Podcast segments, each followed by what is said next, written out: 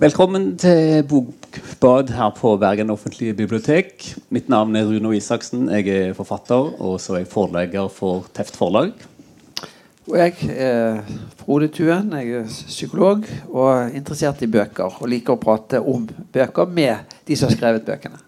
Hjertelig velkommen til deg, Halvard Hølleland, som er dagens gjest og hovedperson. Takk. Eh, Halvard, mange kjenner nok deg som politiker. Du er statssekretær for kunnskapsministeren, Tonje Brenna. Og før det så var du statssjef for Raymond Johansen i, i, Oslo. Men du er romanforfatter òg. Og nylig kom du med din andre roman, 'Veien videre', som har fått veldig god, god mottakelse. Eh, romanen handler om diplomatsønnen Thor, som er alene på hytta med sin eh, lille datter på fem måneder. Og, vi får fort vite at eh, kona Jasmin er nylig død. Hvordan hun døde, og hvem som er skyld i det, det er to store spørsmål som er med på å skape spenningen i romanen. Ikke de eneste, men to av de viktige. i alle fall. Eh, Thor sliter litt med å være en god far, samtidig som han prøver å få tak på samlivet med hans tidligere kone og hva som egentlig skjedde der. Et samliv mer og mer prega av sykluser av vold og forsoning. Det var en kjapp måte å oppsummere handlingen på, eller romanen din på. Hva, og det var min måte. Hva, hva, er din måte hvis du skal oppsummere sånn grovt for å få et grovt eh, overblikk? Det er jo en roman som starter som du sier, i havgapet i Vestfold, ut mot Skagerrak. Det er høst. Det er egentlig, han er på sommerhytta til familien, og han har reist uh, ned i uh, ja, ganske all hast, egentlig, sammen med datteren sin. Og boka åpner jo med at han våkner der sammen med uh, henne. og fortellingen handler jo om hva har skjedd. Um, og da er jo det en fortelling som strekker seg inn og tilbake i livet hans helt fra barndommen og oppveksten. Uh, men også i livet til uh, kona hans, da, uh, Jasmin. og hva som har skjedd i deres parforhold som har gjort at han har kommet i denne situasjonen. At han er der på hytta en, ja, det er vel oktober-november måned, omtrent på denne tiden. Da man kanskje ikke skal være på en, på en sommerhytte utover i romanen så tegner du et ganske mangefasettert bilde eller portrett av hovedpersonen Thor. Men i, i, løpet av de la oss si, ti første sidene så møter vi altså en, eh, en hovedperson som, som, da er far til en fem år gammel datter, og som A slipper sine fem år gamle datter under vann når han bader henne. Eh, B eh, drakk seg skikkelig full kvelden før. C gå ut eh, midt på natta og la babyen ligge igjen alene eh, inne i, i, hytten. Så du gjør oss eh, nysgjerrig på Tor. Du gjør oss kanskje ikke i utgangspunktet da, så veldig sympatisk innstilt. Så hvem er Tor, og hvorfor dette ekstreme bildet, mannsportrettet, i starten? det er jo ofte sånn Når man leser bøker, så, så, vil man at hovedpersonen i boka skal være en slags helt. da En du er på lag med, og som du, du følger. da Uh, og det er sånn det, altså, det, er ikke, det, det, må jo ikke være sånn, men i hvert fall i denne boka så starter det jo hvert fall sånn at man kanskje ikke får et veldig sånn godt inntrykk av at dette er en, er en, uh, er en god far. Men dette er, Thor jo, er jo mer enn det. Han har jo en kompleks historie. Han har vokst opp uh, diplomatsønn, som du sier. Foreldrene som har jobbet på ulike ambassader i u-land. Han har flyttet hit og dit. Da, og veldig mye av hans oppvekst har vært definert av forventninger, der han har blitt plassert inn i roller som um, han må innta.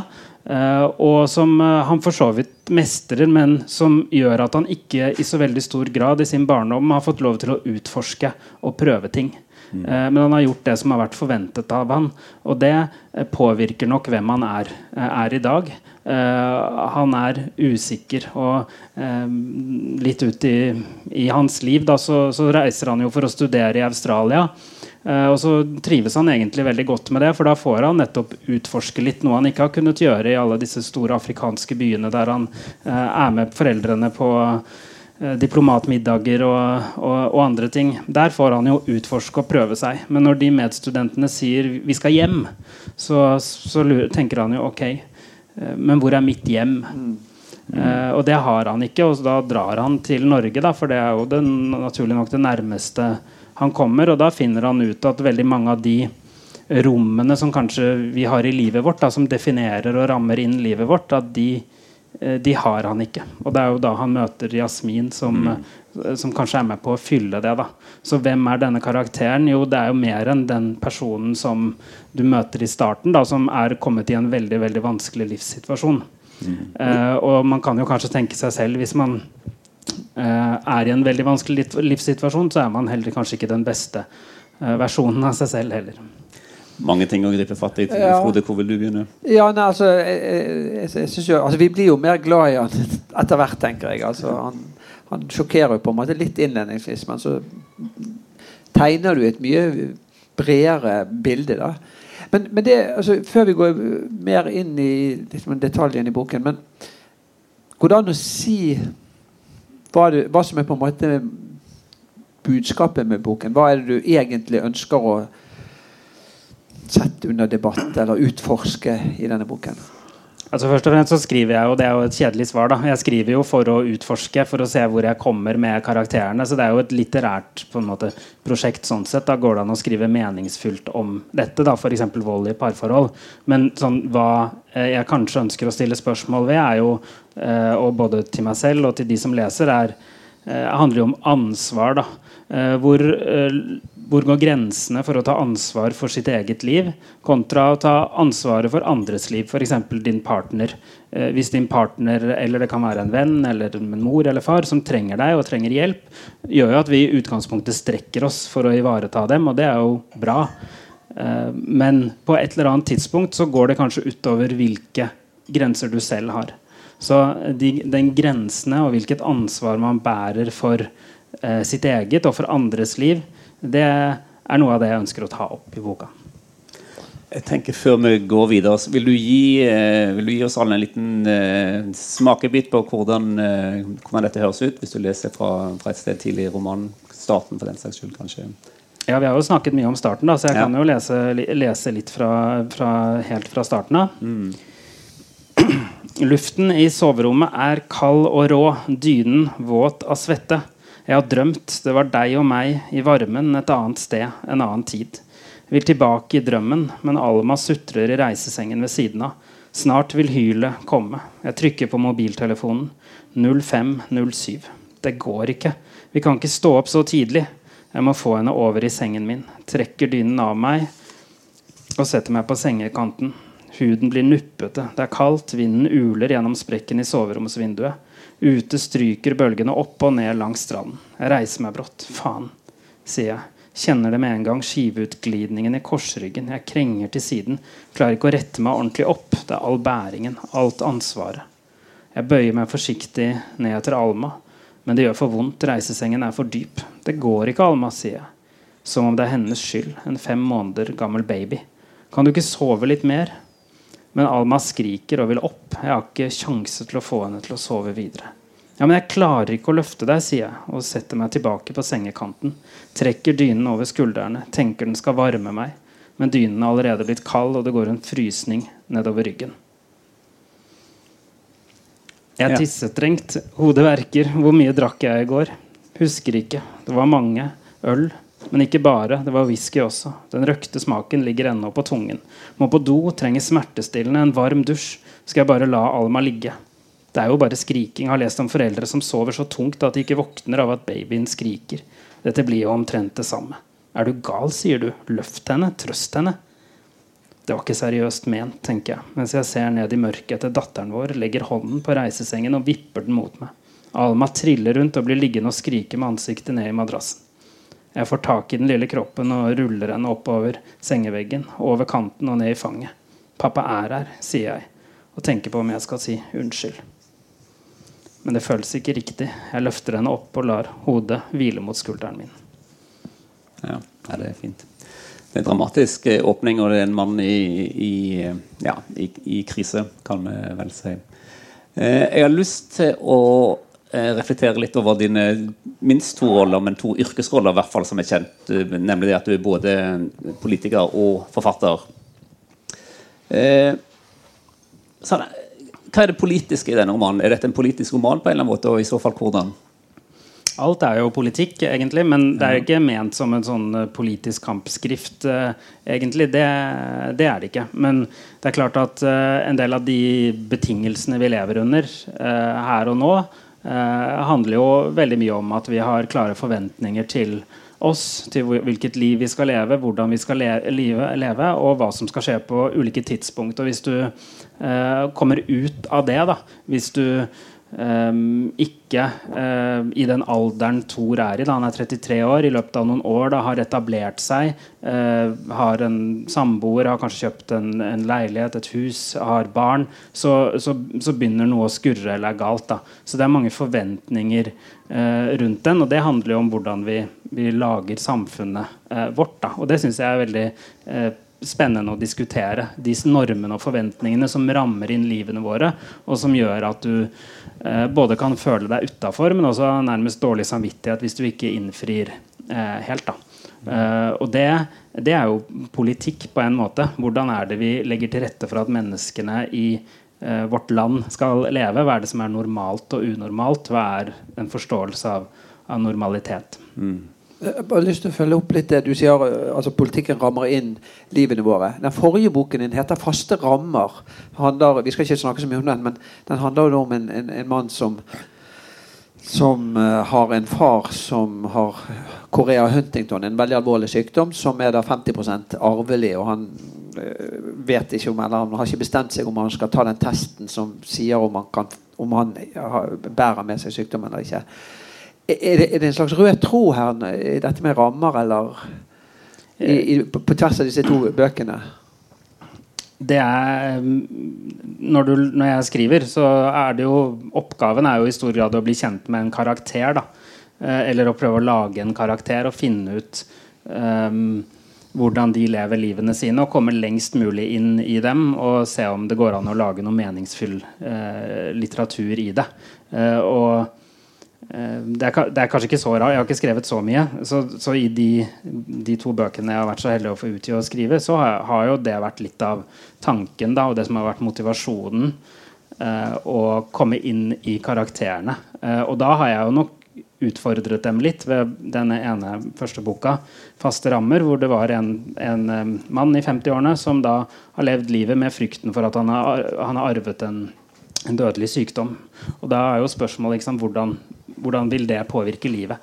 Uh, og han her, uh, Thor i veien videre, har uh, mistet kona si. Um, og hvilket ansvar har han for det? så det er en måte å, å, skape karakterer på. Å komme inn i interessante spørsmål. Da, livsspørsmål.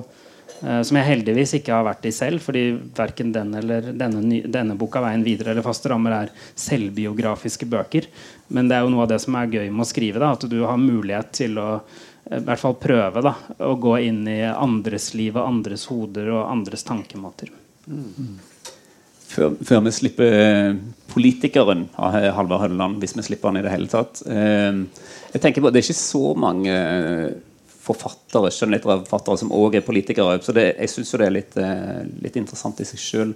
Så jeg lurer litt på tid er du forfatter, tid er du politiker, og hvordan preger det deg som forfatter at du har en, en politisk karriere og en politisk eh, tilhørighet?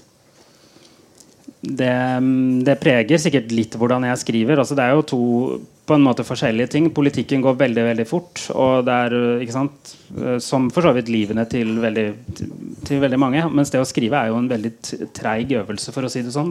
Det, det, går utrolig sakte. Eh, og Eh, noe av kanskje politikken. da Dere sa jo at det var en dramatisk start her, start her da og det er det jo. Eh, og det er kanskje noe av fra politikken jeg tar med inn. da At det, det, det, må skje ganske mye da når jeg skriver. At Om jeg kanskje ikke hadde jobbet i politikk, så hadde jeg kanskje tatt meg eh, enda bedre eh, tid til å eh, brette enda mer ut. da men det var noe av det jeg ønsket. At det skulle være en litt sånn dramatisk effektiv bok. Eh, så den, det dramaet tar jeg kanskje med inn fra, fra, politikken inn i hvordan jeg skriver. Ja Nei, jeg tenkte, Hvis vi går litt inn i, i, i boken da, så, Som parterapeut så er det mange ting jeg syns er interessant. Altså, det handler jo da om, om forholdet til, mellom Tor og Jasmin. Og ja, hun er død, men man jo, blir jo kjent med henne og forholdet deres. Eh, og eh, de går òg til eh, parterapi, og det syns jeg da som parterapeut er interessant å se hvordan du, hvordan du beskriver det. Og så sier du at du, det, er ikke, det er ikke noe sånn selvbiografisk, men jeg får sånn, sånn, nysgjerrighet på Har han vært i parterapi selv og har noen eh, slags erfaringer derifra som han bringer inn? For du, du har noen litt sånn artige grep som denne parterapeuten Andrea, ikke det hun heter? Jo. Hun bringer til torgs noen, eh, noen grep som som jeg syns er ganske kreative og artige. Så bare lurer på hvor, mm. hvor kommer de fra? Jeg var redd du skulle spørre om det med parterapi.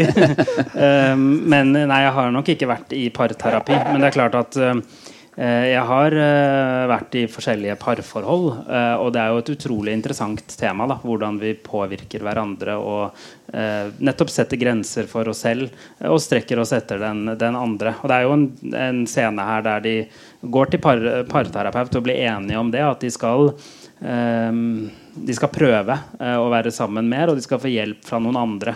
Og så avtaler de for så vidt mellom seg da, at de kan ikke fortelle alt om hvordan de har det til parterapeuten. De må fortelle de forteller noe. Da. Så det var jo kanskje noe som ikke var så lurt som de gjorde, da, ved å ikke være 100 uh, eh, åpen.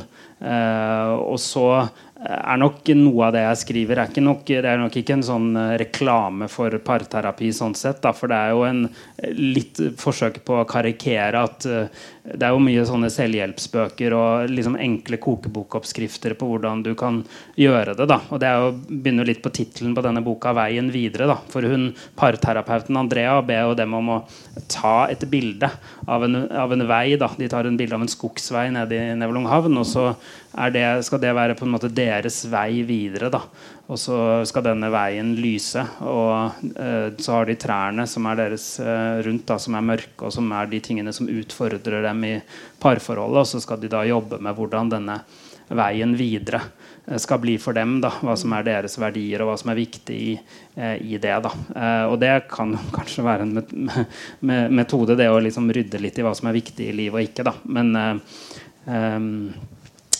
ja, det, de måtte en tur innom terapirommet. Ja, nei, når jeg leste det, så da, På den ene siden tenkte jeg ah, det var en ganske sånn ålreit metafor og et, et, grep, et terapeutisk grep som kanskje kunne være nyttig. Men så vekslet litt mellom å ha en sånn en slags opplevelse av at dette var en god idé, til er det litt sånn satire. Og, og, og du nevner det altså, du, du, har litt sånn satirisk blikk på det. Er det, er det riktig, eller? Ja, det er riktig. Altså, ja. ja.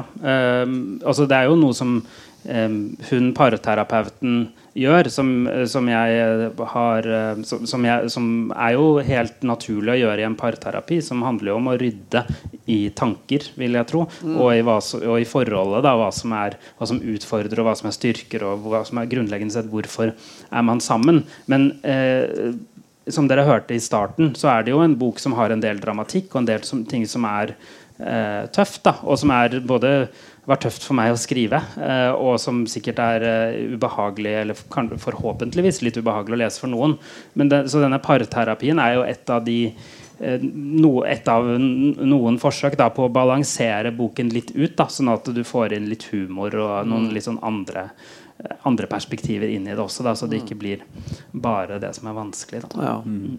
Det, er jo, det, er jo, mange temaer som kommer opp både i parterapien og i romanen eh, generelt. Og et av de temaene som, eh, som blir eksplisitt drøfta når de er i, i, terapien, er dette med kjønnsroller. Eller sånn leser jeg det i hvert fall. Eh, og det handler om ganske mange forskjellige ting, men det handler bl.a. om Tor at han eh, mangler evnen til å uttrykke seg sjøl. At han eh, egentlig blir, blir, kontrollert i veldig stor grad av Jasmin. Så det er én side av saken, at han ikke klarer å, å komme til uttrykk. Eh, så det er en, tematikk rundt ikke-kommunikasjon. Eh, og så er det òg temaet 'Den moderne mannen', sånn jeg ser det i hvert fall, som handler bl.a. om at Jasmin, eh, hans kone, da, ønsker at han skal være en feminisert skriver du, eller tenker hovedpersonen om, en feminisert mann som, som diskuterer hvilke møbler de skal ha. og alt mulig sånt på den ene siden, samtidig som vi ønsker en maskulin eh, mann på andre områder i livet, bl.a. seksuelt. Eh, ja, refleksjoner rundt det. Eh, den moderne mannsrollen. Jeg syns det er en interessant tematikk. Ja, Thor er jo Det er vel litt av det, noe av det som suser uh, gjennom boka, er jo nettopp det liksom spørsmålet 'Hvem er jeg?' Og så er det så lett å lete etter de boksene da, der du kanskje er en moderne, feminisert mann, som de fleste, altså veldig mange er, da, der, og som er en del av samfunnet vårt nå. Og det er det jo kjempemasse bra i. ikke sant? Uh, at du har andre kjønnsrollemønstre nå enn for Eh, for eh, en del tiår tilbake. Men det er jo det at han kanskje kjenner og det er også naturlig, kjenner jo på, på en måte ulike behov og ulike eh, både lyster og, eh, og, og, og, erfaringer med, med, måter å leve på. da eh, Så det er jo et måte, Det går jo til kjernen i spørsmålet da, på hvem han er. da Og at han kanskje ikke har hatt alle de eh, mulighetene til å prøve utforske gjennom oppvekst. Og så møter han Jasmin, da, som plutselig fyller alle disse rommene hans. Da. Han blir plutselig mer kjent med seg selv når han møter henne, og opplever det som en voldsom sånn vekst. Da. Eh, at han, han, skjønner hvem han er. Da. Men så, det er jo også liksom forelskelse. Ikke sant? At man plutselig så er, faller ting på plass merkelig nok. Og, og, men, men, så går, jo, eh, går, går, det jo en viss tid, og da er du kanskje ikke så, så, forelsket lenger. Og da har du kanskje tilpasset deg for mye da, til den du har vært, eh, vært sammen med. Altså, det, er jo, det, er jo, et spørsmål jeg egentlig ikke på en måte besvarer. Eh, om han skal være en feminisert mann eller en maskulin mann. Det er jo selvfølgelig en eh, kombinasjon. Men det er nok eh, sånn som det er bare det å ha en ha en baby å passe på. Altså, det valget med å få et barn, det følte jo at, ikke, at det var ikke hans. Han strakk seg så langt da, for henne.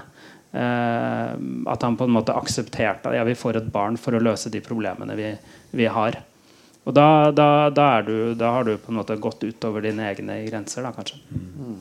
Og hun går jo òg utover hans grenser ved å på en måte fortelle om dette barnet og, og, og si at de skal ha et barn, uten at han var blitt uh, konsultert eller hadde noen mening om det. Han ønsket jo ikke i det hele tatt. Mm. Så det, der kommer jo disse grensene. altså De er jo ganske grenseoverskridende, eh, begge to. Men kanskje hun aller mest i det at hun også tyr til vold. Og det er jo litt sånn litt originalt grep i en, en bok at det er kvinnen som er voldsutøveren her. Mm. Ja, det er hun som slår, uh, slår han.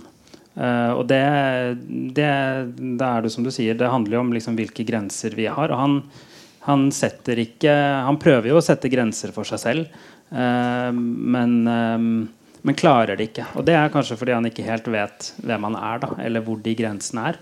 Og fordi at han har en stor kjærlighet til henne. Altså Han vet at Det er jo ikke bare sånn at hun plutselig slår han. For hun er jo psykisk syk. Eh, så det stammer fra et sted. Det har en forklaring. Eh, han kan rasjonalisere med det. Eh, og da er det vel greit, da? Er det ikke det? Og det, ikke sant? Og det, er, det er jo ikke det. Men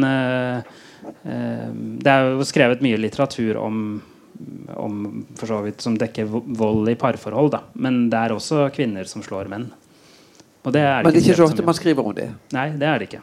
Og det var jo veldig ubehagelig å skrive om. Mm. Altså, alt dette var, og, og, hvordan han behandler datteren sin, og hvordan hun behandler han, er veldig ubehagelig å skrive om. Men eh, interessant å gå inn i, fordi at det skjer, og det mm. finnes.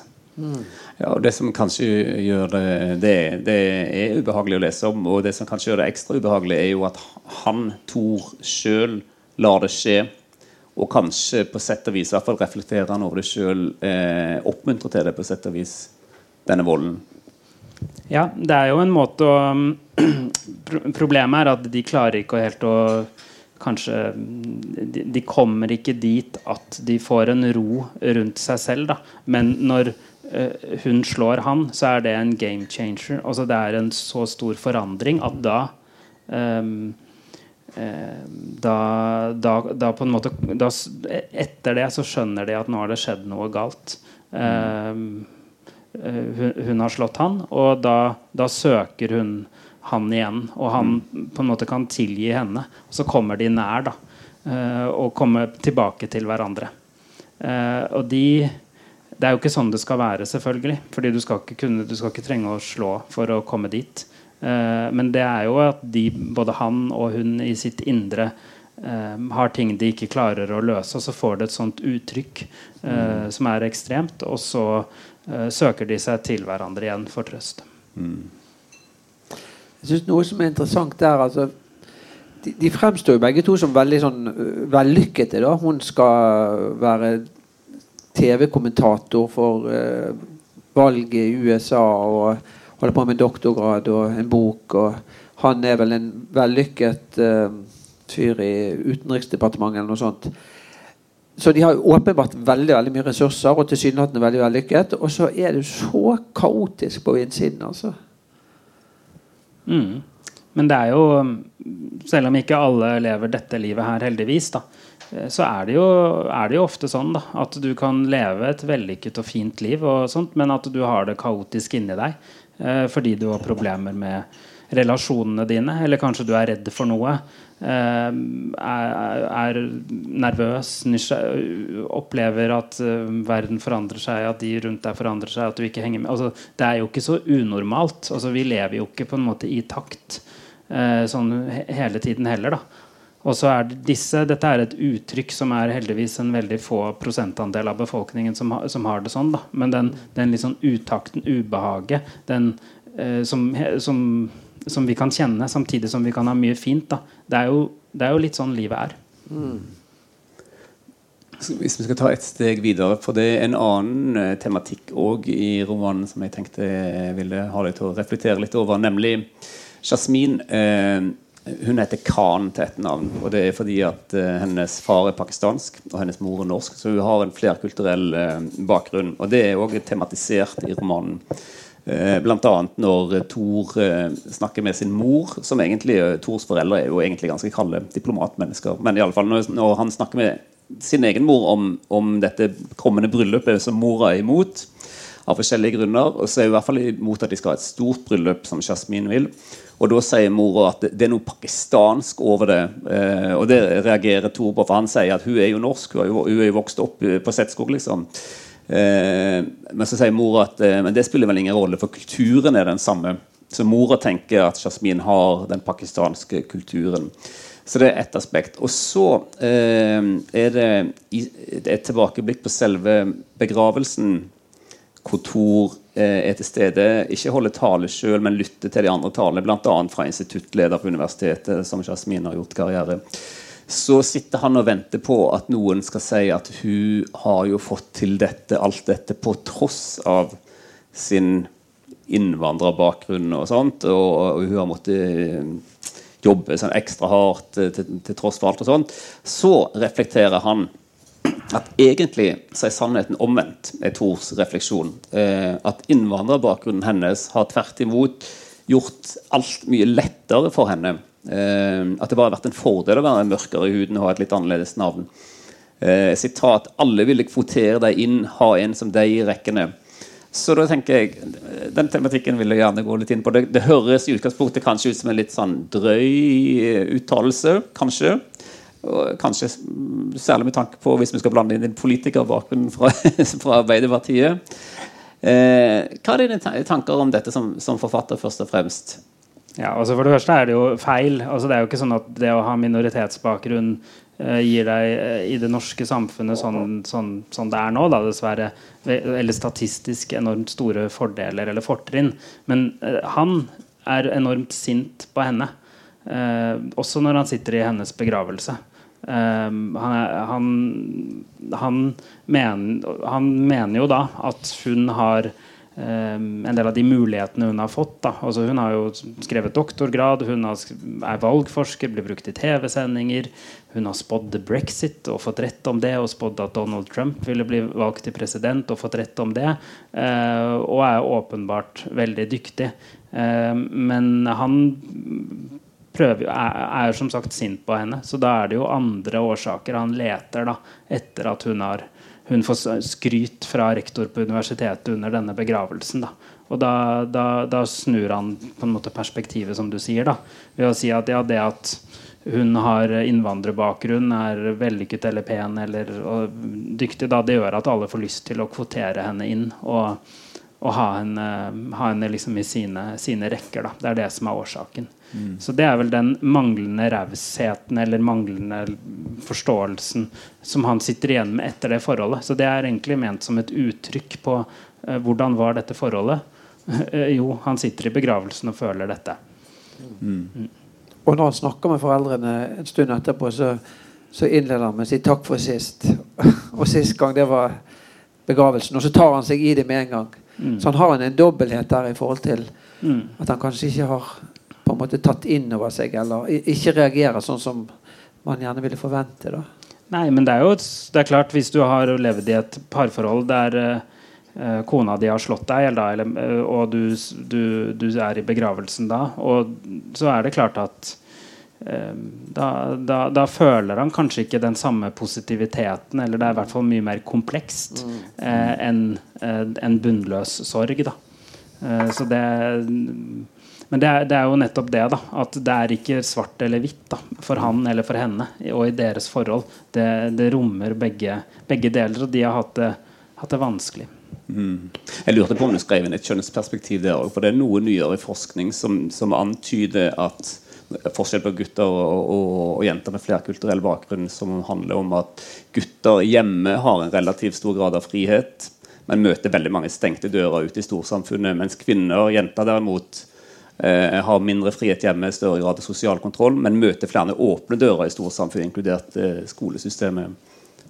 Det er jo åpenbart at uh, spesielt mange minoritetsjenter gjør det veldig bra på skolen. Og det har mm. forventning om å gjøre det bra også. Og det blir mm. tilrettelagt for det òg. At de skal velge visse utdanninger og gir dem et karriere- og utdanningsløp. Da. Og det er jo noe som har forandret seg helt vesentlig i, i i samfunnet vårt. Da. Og så er det, jo, det er jo samme med sosial kontroll. Man tro, har kanskje trodd lenge at det er bare kvinnene, eller det er tvangsekteskap. Det er bare kvinner som blir utsatt for, men det er jo menn også. Og gutter mm. også. Så mye av dette, eh, det, det, det, det gjelder begge, begge kjønn. Mm. Eh, hvis vi ser på eh, romanen som, som, litt som litteratur, eh, tar den eh, inngangen Så første som man legger merke til, som du legger merke til fra den passasjen du leste òg, det er selve formen. Altså at det er jeg-form henvendt til et du. Så det er en jeg-person, jeg Tor, som henvender seg til du sin ekskone i løpet av hele romanen. Hvorfor, eh, hvorfor har du valgt dette grepet, og hva tenkte du at det ville gi? Det er jo fordi at selv om hun eh, er død, så er hun der ennå. Altså, hun er jo i hodet hans og er nær han, og hun, han kan føle henne og se henne og oppleve henne og snakke med henne selv om hun er, er død. Rett og slett fordi de er um, har levd sammen. Uh, og i, mens de levde sammen, så var det naturlig å tenke hva er det hun vil si. Og så hører han jo stemmen hennes. Altså Ikke sånn i at, hun, at han tenker at hun er der, men at han, han hører hva hun ville sagt i ulike situasjoner. Mm. Så det er både en sånn eh, Kanskje en etterrasjonalisering for han, men også et måte for meg å trekke inn litt av hvordan de kommuniserte sammen. Da. Hvordan de, de var sammen. Mm. Eh, på godt og, på godt og vondt. Da. Det er mm. både fine ting i det, og så er det selvfølgelig irritasjon også i, det, i måten han, han, snakker med henne på. Ja, mm. Så det, det, er en teknikk, eller litterær teknikk, tenker jeg, mest for å få henne Få det livet litt tettere på, da, hvordan mm. de hadde det. Ja.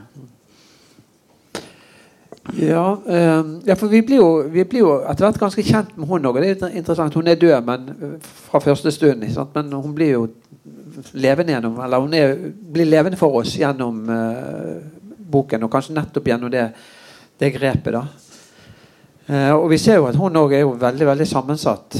Mm. Um, foreldrene hans ser det vel kanskje litt før han at dette er ikke så bra. Mm. Har du gjort deg noe, eller hvilke refleksjoner ja, tenker du om det, eller har du om det? Foreldrene til Thor de, de, de, ser nok det og advarer mot henne. Um, og når, selv om de sier at, ja, er, at hun fra, har pakistansk bakgrunn, og lignende, så er det nok ikke det som er egentlig det de er kritiske til. Da. Det er jo det at de ser at uh, hun kan være vanskelig å sammen med, være sammen med fordi hun har en psykisk lidelse som gjør at hun har uh, høye topper og, og, og, og, også går ned i, i bunnen, da, som gjør at, at, det vil forme og påvirke eh, livet hans. Så det ser de, de foreldrene. Men så er det jo sånn at han og Det er jo et slags sent ungdomsopprør. altså Han er vant til at de, de definerer hvordan han skal være og leve. Og nå vil han i hvert fall ikke høre på dem. Mm. Eh, og, og de det er en sånn scene i boken der moren er på vei til FN i New York. Og da flyr, er i fly over Norge. Og så ser hun på kartet at hun er like over Norge, og så ringer han eh, på FaceTime da, eller på Skype. Um, og, og, og, snakker med han da, og hører hvordan det går med han. Og det er vel det han er på en måte litt sånn vant til at de flyr over og definerer hvordan han skal, skal leve. Mens det er på en måte det er han, det er, det er han helt det er, hvert fall det er klart for han at han ikke skal høre på dem mer. Fordi han opplever at de, eh, de ikke er der for han da. Og at de ikke aksepterte de valgene han har tatt. Og så kan det jo selvfølgelig hende at han også jeg vet jo ikke alt om, alt om romankarakteren, men det kan også han selvfølgelig si at han kan i ettertid tenke at de hadde litt rett. At han burde vært mer forsiktig eh, ved å gå inn i dette forholdet. Eh, men så langt i refleksjonen tror jeg ikke han eh, i hvert fall på det tidspunktet eh, er. da. Mm. Mm. Og det går vel opp for han også hvor syk hun er først når hun slår. Ikke, ikke det riktig? Eller at, at Nei, altså, Han skjønner vel ikke omfanget av hennes uh, psykiske lidelse før, før, hun eh, utøver vold. Ikke det riktig, eller? Nei, altså det er klart uh, han, Da han møter henne, så er jo hun veldig sånn positivt på vei oppover. Uh, og er en ekstremt sprek, interessant person som omtrent ikke sover om natta og har alt av planer og muligheter og er kreativ. Uh, og så går, går, det nedover. Men det er nok ikke før det skjer at han forstår at dette ikke er kanskje hennes personlighet. Altså at hun, hun er ikke så høyt oppe, egentlig så fantastisk. Ingen er det. Uh, men det var da han møtte henne. Uh, men det var sånn han trodde at hun var. Da. Men det var egentlig en del av hennes sykdomsbilde. Um, så, så åpenbart at han ikke forstår det helt før hun faktisk slår han. Uh, og det var jo ikke ment i første gang det skjer, som er beskrevet her. da Det er jo ikke noe, sånn, det er jo ikke noe voldsom voldsscene eller noe sånt. Da. Det er bare at hun, hun slår altså, klasker til han litt. Og det er jo ikke bare det, for å si det sånn, men altså, det, det, er ikke noe det er jo ikke en, det, det, Han på en måte tenker ja, ok. Han, da, da, skjønner han at det er, er et eller annet. Mm. mm. Jeg synes, for meg så leser jeg en sånn gjennomgående tematikk som, ligger, som kommer til uttrykk mange steder, som egentlig handler om ordenes potensielle eh, muligheter på ulike nivåer, og historier som jeg forteller om oss sjøl og andre. Uh, en scene som jeg uh, syns var interessant i så måte, det er selve begravelsen. Han, Tor lar jo venninnene til Jasmin organisere alt sammen, begravelsen gjør alt mulig, og, og han vil ikke sjøl egentlig si noe i kirken. De foreslår et dikt. Han sier bare sånn dikt, Hva dikt skal kunne romme dette? liksom sånn ord, hva ord skal kunne fange noe som helst. Eh, fordi han er i sorg. Og denne romanen handler jo på sett og vis om sorg. Eh, så det blir sånn et metaspørsmål egentlig til deg òg. Hvordan kan man skrive en, en, eh, en, roman om sorg? Det er jo et veldig vanskelig spørsmål, selvfølgelig. Hvordan skrive en roman om sorg. Og det er også vanskelig her, fordi denne sorgen er på en måte Det er så mye som er blandet inn i den sorgen. da eh, Og det gjør at det er en sorg eh, som også rommer sinne, og som rommer anger. Eh, for det er jo også et sånn gjennomgående tema eller problemstilling i boka. Da, Hva er det som har egentlig har skjedd. Ja. Eh, for det er det som han stiller seg jo spørsmålet. Hvilket ansvar har jeg for dette? Han føler han er skyldig, mm. men er han det? Og uh, hvordan skal du sørge i en sånn situasjon? Uh, så ja, det er jo en bok om sorg, og hvordan skrive en bok om sorg, det er uh, et veldig godt, godt, spørsmål. Og dette er kanskje ikke et forsøk på å skrive den om den, den, en helt sånn ren sorg. Dette er en sorg som er iblandet uh, både frykt og anger og, og redsel for, uh, for, hva som har, har, skjedd i det forholdet man har vært i. Mm. Men så er det jo andre i den begravelsen som har et annen opplevelse, et annet uh, en, annen, en, annen, type nærhet til Jasmin. Mm. Og den frykten, den spiller jo seg ut altså Vi som leser heller, altså skjønner ikke helt heller hvilken rolle han har da, før en, ja, mot slutten. Uh, og det bygger jo seg opp en, på en måte en, en ganske sånn fortettet spenning da, de siste 100 sidene eller 50 sidene, eller hva man skal si. Mm. Um, hvor, hvor, boken får preg av å være litt sånn uh, psykologisk thriller. Mm. Gjenkjenner du det, eller hva, har du liksom tenkt at nå skriver jeg meg liksom litt inn i en, den sjangeren også, eller at på en måte bruker den typen uh, virkemidler også? Ja, det var egentlig noe jeg prøvde litt på. Altså for, uh, fordi det var interessant. Og man kan jo si at ja, roman skal være sånn, eller krim skal være sånn, eller psykologisk thriller skal være sånn. Uh, men jeg har prøvd her å bruke elementer, også helt med vilje. fra Det er ikke en psykologisk thriller, det er ikke en krim, men jeg har prøvd å bruke noen elementer mm. inn i det. Uh, fordi det er litterært interessant, for så vidt. Men så er det sikkert også, som jeg sa tidligere, politikeren litt i meg. da, Som at uh, jeg sitter her og det skal, må, må, skje noe, det må skje noe. Uh, så da, da, kjører jeg på. Uh, så det Men det, det, er jo først og fremst da ment at det som er i hans hode, ikke sant? Det er hele tiden hans hode det, alt dette skjer i. Altså, uh, selv om det skjer noen fysiske ting, og han løper med barnevognen gjennom en skog, så er det jo pga. hans hode dette skjer. Det er ikke, dra, det er ikke et drap, det er ikke, en, ikke det er ikke det. Men det er hans hode, og så er det hvordan det kommer til uttrykk. da Også gjennom at du eh, han, han, gjør ting som, eh, som kan kanskje minne om at det er en, er, ja, en psykologisk thriller du leser. da mm. Mm. Ja, og det, og det, temaet som du nevnte, skyld og ansvar, det, det står jo sentralt i den psykologiske thrilleren. Mm. Eh, og, og, en del av spenningen, for vi, vi skjønner jo ikke før eh, eventuelt helt på slutten hva som er hans tanker om ansvar, eget ansvar, og hvorfor han føler skyld. Han føler jo til og med at han ikke har rett til å sørge. Mm. Ja, men det er jo et spørsmål, da. Når du, du har vært sammen med en person eh, som eh, dessverre har gått bort. Uh, og vedkommende har vært syk, og du har prøvd å eh, gjøre noe med den sykdommen. Altså, han har mm. gått ut på gata for å uh, kjøpe medisiner til henne som man ikke får hos legen for at hun skal ha det bra. Altså, han har strukket seg langt for henne. og og, og, gjør det han kan. Og da, da Ja. Så det, det, er, det, er, vanskelig å, å, å liksom, Og det er jo meningen at det, det skal ikke være helt åpenbart uh, sånn eller sånn. At han er sånn eller sånn. Og vi er jo Det er jeg, og det er mange. Vi er glad i å putte folk i bokser, og vi er forutinntatte. Uh, men det jeg prøver på her, er jo at du, du kanskje får et inntrykk av hvordan disse er, men så er det egentlig ikke helt sånn.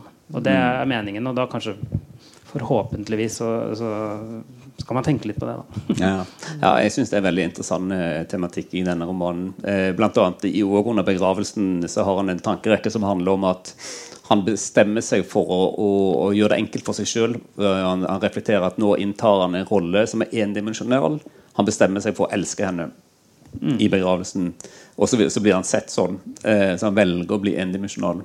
Og, og, egentlig så framstår han da som van, vanlig og sympatisk. Og det er jo et paradoks, kanskje. Ja, men det er jo nettopp det. Hvordan er det du oppnår kontakten med følelsene dine? Hva er det som er riktig i den situasjonen? Uh, og der var det livet de har levd. Da. Det er såpass ja, komplekst, ikke så bra. Det gjør at han ikke kan gå inn der med en 100% sorg. Det er en kombinasjon av at han er sint på henne, samtidig som han føler seg ansvarlig for det som har skjedd. Um, og det, det, er kanskje noe av kjernen i boken, eller i hvert fall som jeg prøver på. Da, er at det, det, er ikke Og det er kanskje en selvfølgelighet, men så likevel i hvordan vi mennesker lever og de normene vi har, da, så blir vi jo veldig sånn veldig klart og tydelig hele tiden hvordan man skal opptre i ulike sammenhenger og, øh, og posisjoner. Og det er jo interessant litterært å utfordre. Mm. Jeg har et uh, aller siste spørsmål før jeg runder av. Vil du smette inn et siste ja, spørsmål? Et lite, ja, altså fordi at, altså Når den første boken var om uh, en veldig alvorlig fysisk sykdom, uh, Korea Huntington, og dette er om bipolar lidelse og vold, har du noen nye prosjekter? altså er det noen andre typer tilstander som du ønsker å på en måte utforske eller gå inn i, eller? ja, nå jeg gå videre på listen over lidelser. Nei, egentlig det er vel egentlig hvis jeg skal skrive noe mer, da.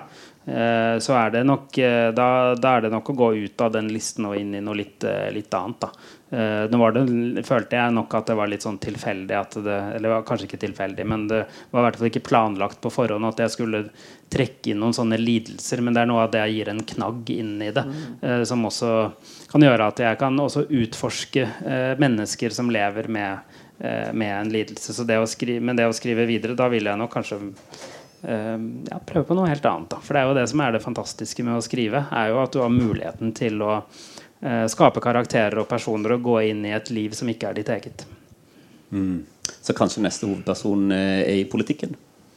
Ja, på den annen side, jeg sa jo nettopp det nå, gå inn i et liv som ikke er ditt eget. da eh, Så nå, nå, driver jeg jo med politikk da og er veldig heldig som får, får drive på med det. Men jeg får jo en viss dose med det i hverdagen. Da. Så det å skrive vil jo kanskje for meg mer handle da om å finne noen som driver med noe helt annet, og skrive om, skrive om dem. Da. Men kanskje eh, mm. kan eh, det bli litt politikk også. Vi får se. Ja. Nei, flott. Eh, mitt siste spørsmål var i den gaten du var inne på der, Frode, så da dropper vi det. Vi skal runde av.